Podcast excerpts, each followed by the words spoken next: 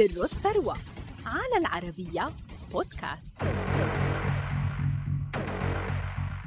يانغ هويان اسم يثار حوله جدل كبير في عالم المال والأعمال في آسيا.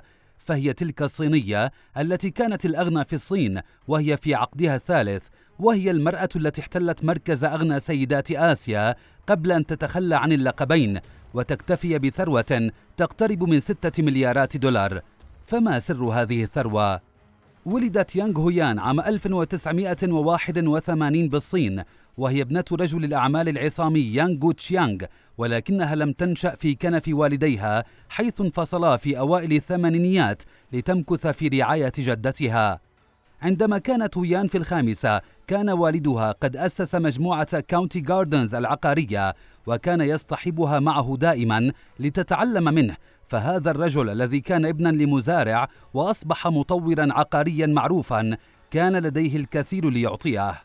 في عام 2003 تخرجت هويان من جامعة أوهايو الأمريكية من قسم التسويق والخدمات اللوجستية وعملت بمجالها خارج الشركة قبل أن تعمل مديرة للمشتريات في شركة والدها ثم مديرة تنفيذية للشركة.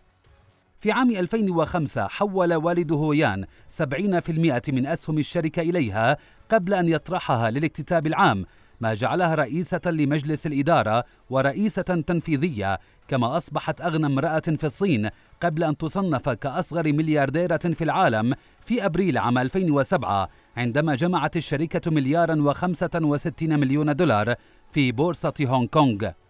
نجحت المليارديرة الصغيرة في تطوير أعمال الشركة التي باعت في عام 2014 نحو مليون ومئتي ألف متر مربع من العقارات السكنية بمتوسط سعر 1333 دولارا للمتر المربع لترفع ثروتها في العام التالي إلى 22 مليارا و200 مليون دولار أمريكي.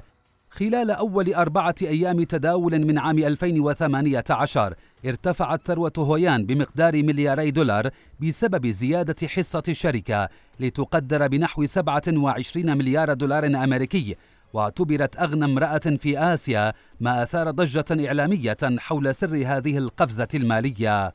في عام 2020 مع أزمة العقارات في الصين انخفضت ثروة هويان من 23 مليار دولار أمريكي إلى 11 مليارا و300 مليون دولار أمريكي لتخسر بذلك أكثر من نصف ثروتها ولقبها كأغنى سيدة سواء في الصين أو في آسيا وهو ما أثار ضجة جديدة حول ثروتها فطاردتها اتهامات من جهات إعلامية واقتصادية ووصفها البعض بصاحبة الثروة المزيفة. رغم ذلك تجاوزت هويان الأزمة ببيع بعض أسهم الشركة كما استفادت من استثماراتها بمجالات أخرى مثل التكنولوجيا والتعليم والعلامات التجارية الفاخرة. اليوم لدى هويان ثروة تقدر بخمسة مليارات وتسعمائة مليون دولار مع حصة تعادل 57% من أسهم مجموعتها العقارية بينما لا تزال ثروتها مثارا للجدل على المنصات الإعلامية.